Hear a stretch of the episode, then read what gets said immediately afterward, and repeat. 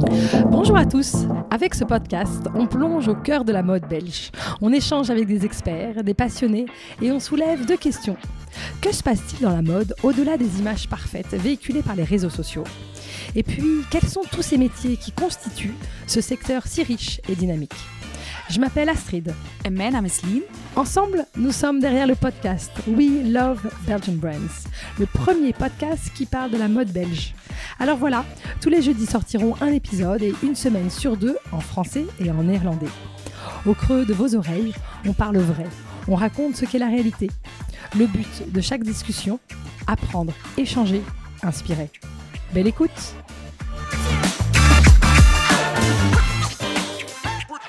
Pour cette saison 4, nous commençons par une série d'entretiens avec l'équipe qui se cache derrière la maison Nathan Couture. En effet, faisant suite à l'invitation de Gloria Baroudi Vasquez, la générale manager de la maison, vous pouvez l'écouter d'ailleurs dans l'épisode 63. Nous sommes allés avec Lynn de Grom passer une journée entière à Bruxelles dans les bureaux de Nathan. Ce fut de très belles rencontres et une chance unique de vous emmener avec nous à la découverte des différents métiers qui constituent une marque de mode. C'était absolument formidable d'être comme des petites souris pour découvrir comment l'équipe travaille, interagit pour faire briller chaque saison de belles collections. Vous verrez, dans chaque épisode résonne le dynamisme, le professionnalisme et la passion qui animent cette équipe de talent. Dans les semaines à venir, vous pourrez donc écouter Marie-Charlotte Vermeulen, la fashion advisor de la maison, Laetitia Essikoff, la directrice des produits, Mircea Smolean, le responsable de collection et de la production, et enfin Monsieur Vermeulen, le fondateur, le CEO et directeur artistique de la maison Nathan Couture. Bonjour à tous. Alors on continue notre spécial hors série Nathan avec euh, voilà l'interview d'un homme ce matin, un deuxième après Monsieur Vermeulen bien sûr. J'ai euh, devant moi le plaisir de parler avec Mircea Smolean qui travaille là depuis 27 ans, donc euh, le record absolu à ma connaissance et il est responsable collection et production chez Nathan et je suis ravie d'en savoir plus. Bonjour, bonjour Mircea. Bonjour.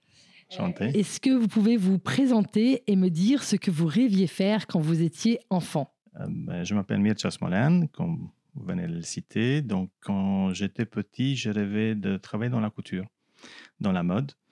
Et euh, j'ai eu la chance de rencontrer mon oncle à 14 ans qui m'a ouvert les portes vers ce monde qui, est, qui était ailleurs euh, sur mesure à l'époque, en Roumanie. Et il m'a appris ce métier Enfant, déjà, vous, vous, rêviez de ça Oui, oui tout à fait. À 8, 8, 9 ans, je savais déjà que je suis prédestiné à. Qu'est-ce qui vous faisait rêver à cet âge-là? J'ai toujours aimé euh, créer, créer des vêtements, créer. J'ai joué beaucoup avec des, petits papiers, j'ai découpé, j'ai découpé les draps de ma maman pour faire des pantalons. Ou, ah, et euh, vous êtes très manuel? Oui, oui, oui, tout à fait. Vous dessiniez déjà enfant? Je dessinais beaucoup. Oui, oui, j'adore dessiner, donc c'était mon. Donc à, 14 ans en, Roumanie, vous avez déjà cette expérience de, de, la mode, de la couture?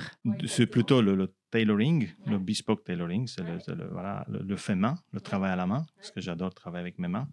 Et euh, voilà, mon oncle, il m'a appris ce métier, et puis je suis allé à l'école de tailleur sur mesure.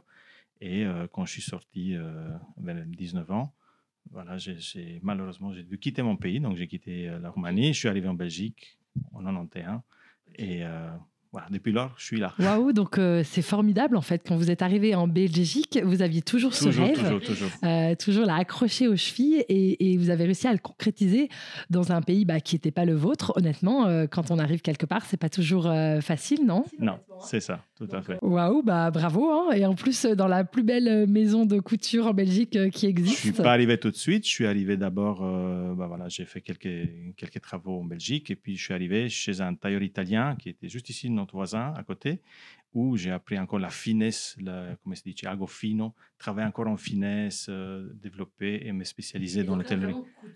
La couture, oui. Euh, ça. Voilà. Et euh, puis j'ai frappé à la porte de la maison Nathan en 96 et depuis lors, euh, j'ai changé de métier. Donc, je faisais plus de tailoring pour hommes, j'ai fait la femme. Ah oui, alors euh, racontez-nous, euh, qu'est-ce que vous faisiez? Vous étiez aux côtés de Monsieur Vermeulen, vous étiez couturier? Couturier, couturier comme voilà, j'ai développé des patronages pour, pour les premières créations. Et puis petit à petit, j'ai développé des collections une par une. Et puis après. Et après euh, 27 ans, vous êtes euh, responsable de la collection et la production. Oui. Vous me disiez aussi que vous avez euh, aujourd'hui 40 Voilà. personnes autour de vous. Oui. Et alors, euh, c'est quoi aujourd'hui votre quotidien euh, Ah, professionnel mais je, je cours à gauche, à droite.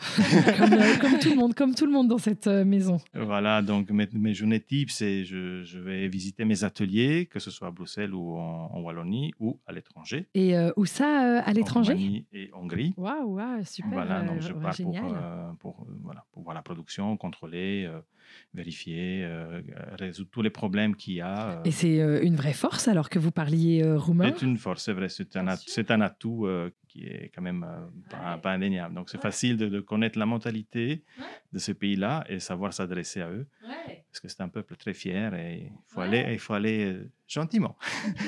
Et euh, vous aimez y retourner? Oui, oui, j'aime bien, j'aime bien retourner, bien sûr. Je retourne euh, tous les, tous les trois mois. Je, je vais en Roumanie et, c'est plutôt pour le boulot, pour le travail. Pour le travail. Et euh, aujourd'hui, euh, qu'est-ce que ça veut dire responsable euh, collection Bah, et courir production? partout. Donc euh, courir partout, aller voir les ateliers et euh, quoi d'autre? Voilà, résoudre tous les problèmes qu'il y a. En fait, c'est rencontrer des belles personnes. Mhm. Et moi, j'adore travailler avec les passionnés. En fait, je travaille qu'avec des passionnés. Ce qui, euh, ce qui me procure de l'émotion, quand je les rencontre, je- on en parle quelques minutes et je sais, je sais sentir si, si cette personne pourra travailler, on pourra travailler ensemble ou pas.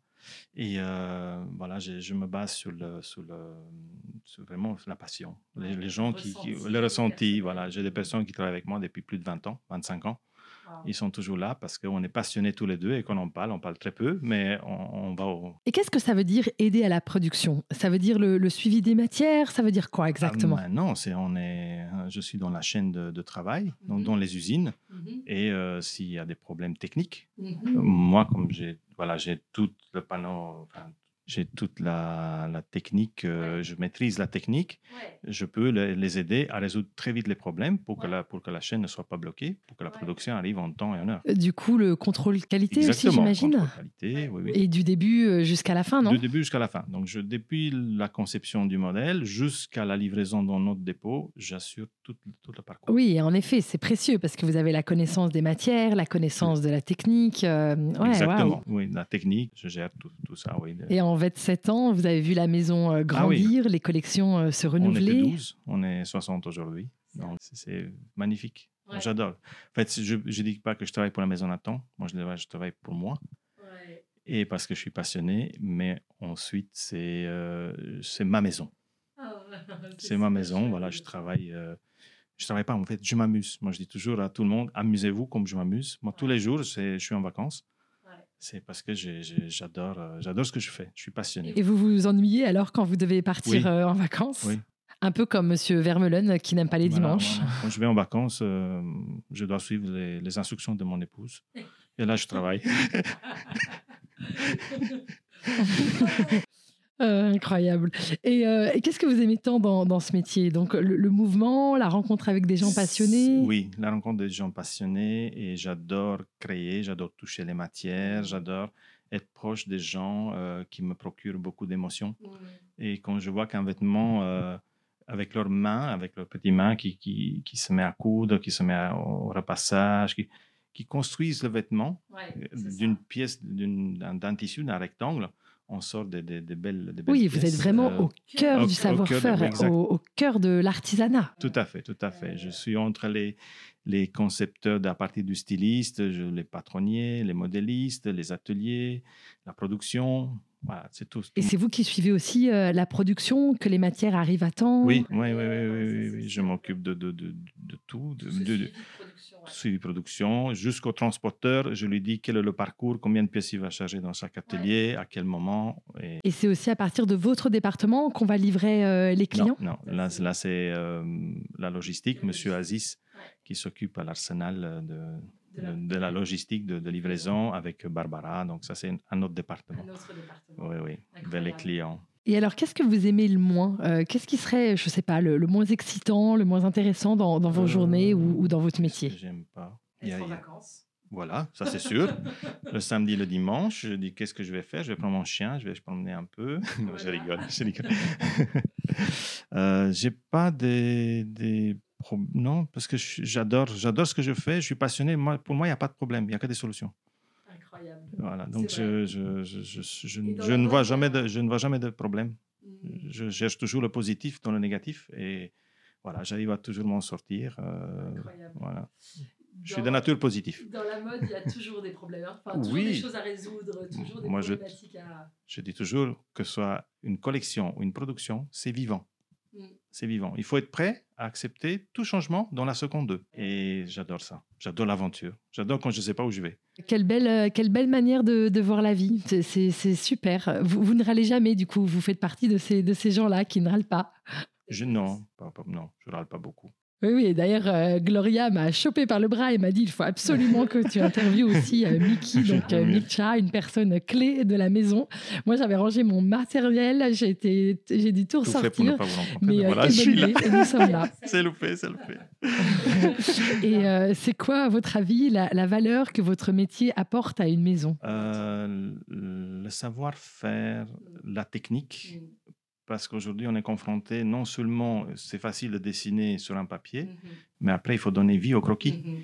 Et tout cet but de, de, l'histoire d'un vêtement, ça, ça, se passe euh, dans la technique.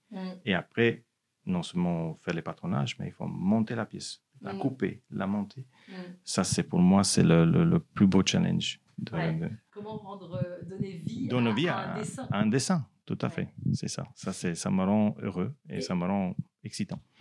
Et du coup, il y a aussi du, du patronage, c'est ça? Oui, oui, oui. Je fais, oui, j'en fais tous les jours. ça m'arrive. Ah Avec j'ai mes équipes, euh, voilà, j'ai la chance d'avoir des perles rares, que ce soit au patronage, que ce soit dans mes ateliers.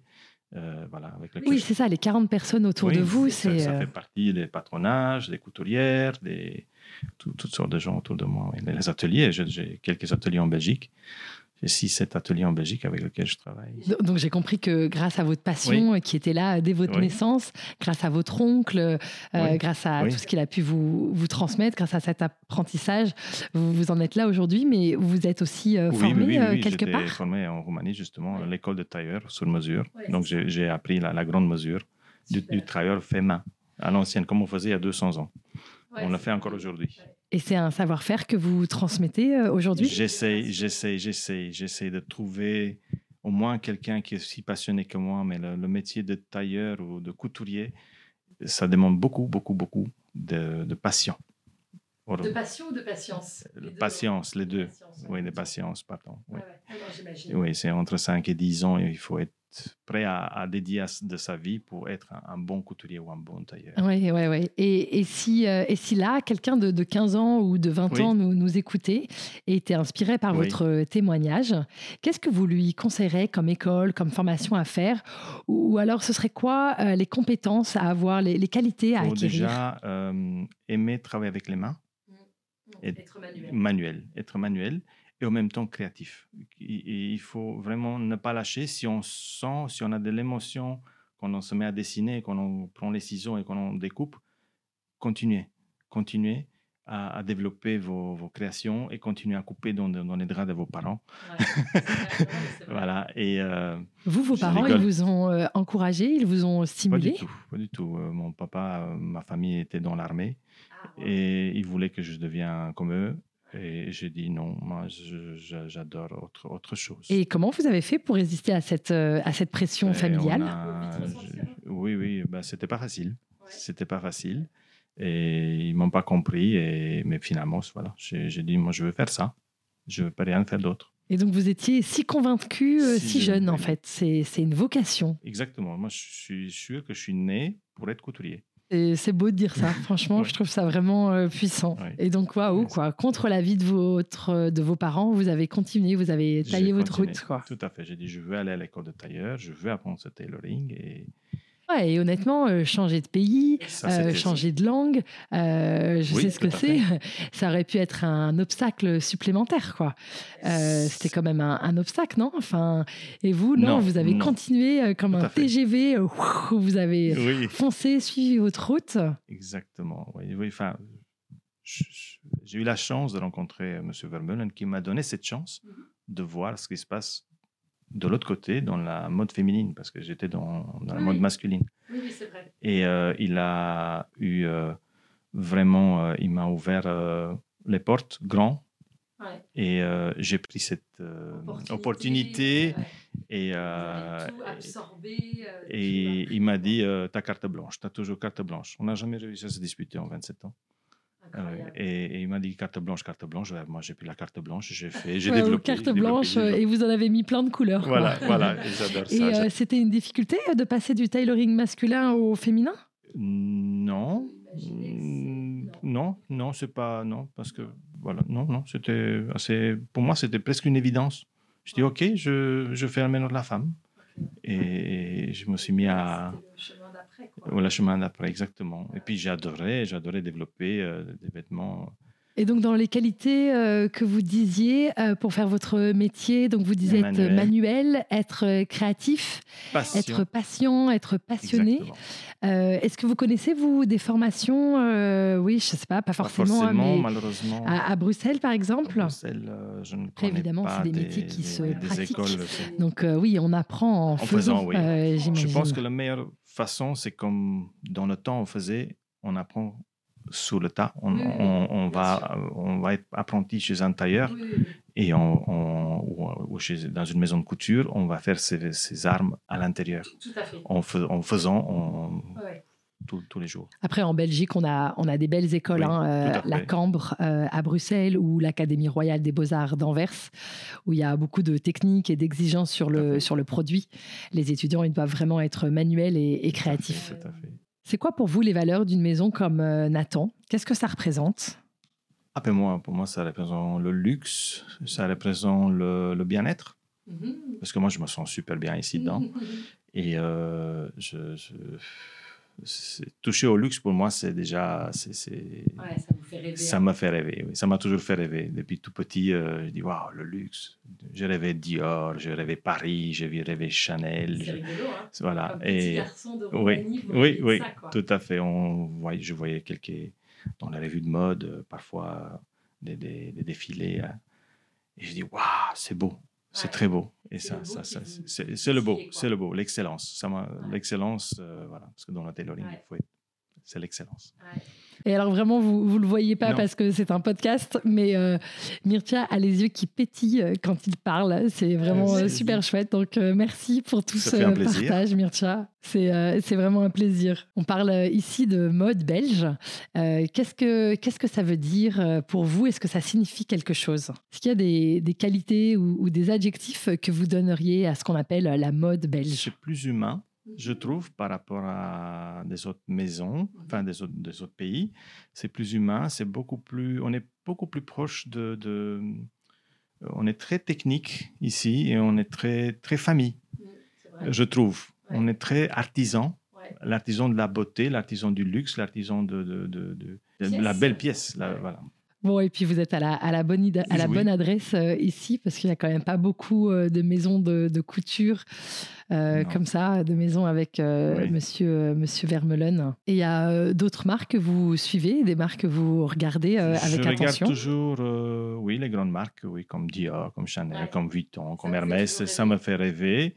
Et je, je, dis toujours, si eux, ils savent le faire, nous, c'est encore mieux. Oh, moi, je regarde toujours vers le haut tout ce qui est plus haut que nous et je veux atteindre le plus haut qu'eux. C'est chouette euh, de dire ça. Donc, c'est vraiment euh, une ambition. Une ambition, toujours d'aller plus haut, plus haut, plus haut, plus haut. Excellence, chercher l'excellence. c'est ça, en fait. Chercher l'excellence, c'est vraiment ce qui coule dans vos veines. Hein. Oui. C'est ce que j'essaie de transmettre à tous mes collaborateurs et toutes mes collaboratrices. Euh, franchement, travailler avec passion et chercher l'excellence, toujours, toujours améliorer, toujours être à la pointe, tout, se renseigner autour de soi de qu'est-ce qui se passe, parce qu'il faut être à, l'écoute de, de, des nouvelles technologies ou quoi que ce soit. Donc c'est important. Il a euh, évolué votre métier en, 27 ans. Oui, euh, Qu'est-ce que vous pouvez nous, nous raconter euh, à ce sujet? Voilà, donc il y a 22 ans, j'ai réussi à convaincre M. Vermeulen d'investir dans, dans, dans, le patronage digital. Mhm. Et depuis 22 ans, 23 ans, je crois maintenant, ah on, fait tous les patronages en digital, par ordinateur. Donc, Et vous, vous avez appris Oui, oui, oui, j'ai appris. Les outils. Oui, voilà, l'ordinateur, il t'aide juste à aller plus vite. Mais si tu ne connais pas le métier à plat, manuel, il peut. Voilà, donc, c'est extrêmement important et on a évolué. Autrement, on ne peut pas faire ce qu'on fait aujourd'hui. Oui, le, digital, euh, ça vous permet d'aller plus vite, aussi, bien sûr. On, fait à peu près 500 modèles par saison. Hein. c'est énorme. C'est énorme. Donc, on développe, on développe tout le temps. Incroyable. Est-ce que, Mircha, vous voulez profiter de ce micro pour dire quelque chose à Monsieur Vermeulen ou aux équipes ah, chez Nathan? Moi, je l'appelle Maître Édouard, je peux me permettre.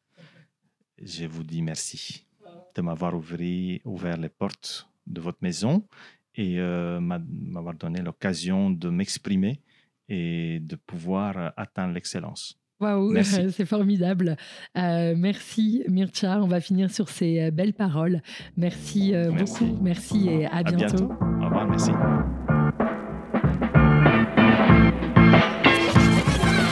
Merci beaucoup d'avoir écouté cet épisode jusqu'au bout. J'espère qu'il vous a plu. Et si c'est le cas, je vous invite à le partager et à le noter de 5 étoiles. Ensemble, diffusons les histoires inspirantes et les conseils précieux des entrepreneurs qui constituent la mode belge. Et si vous voulez en savoir plus, rejoignez-nous sur Instagram, we love underscore podcast, et aussi sur LinkedIn, sous les pages astrid.lefebvre et Lindegram.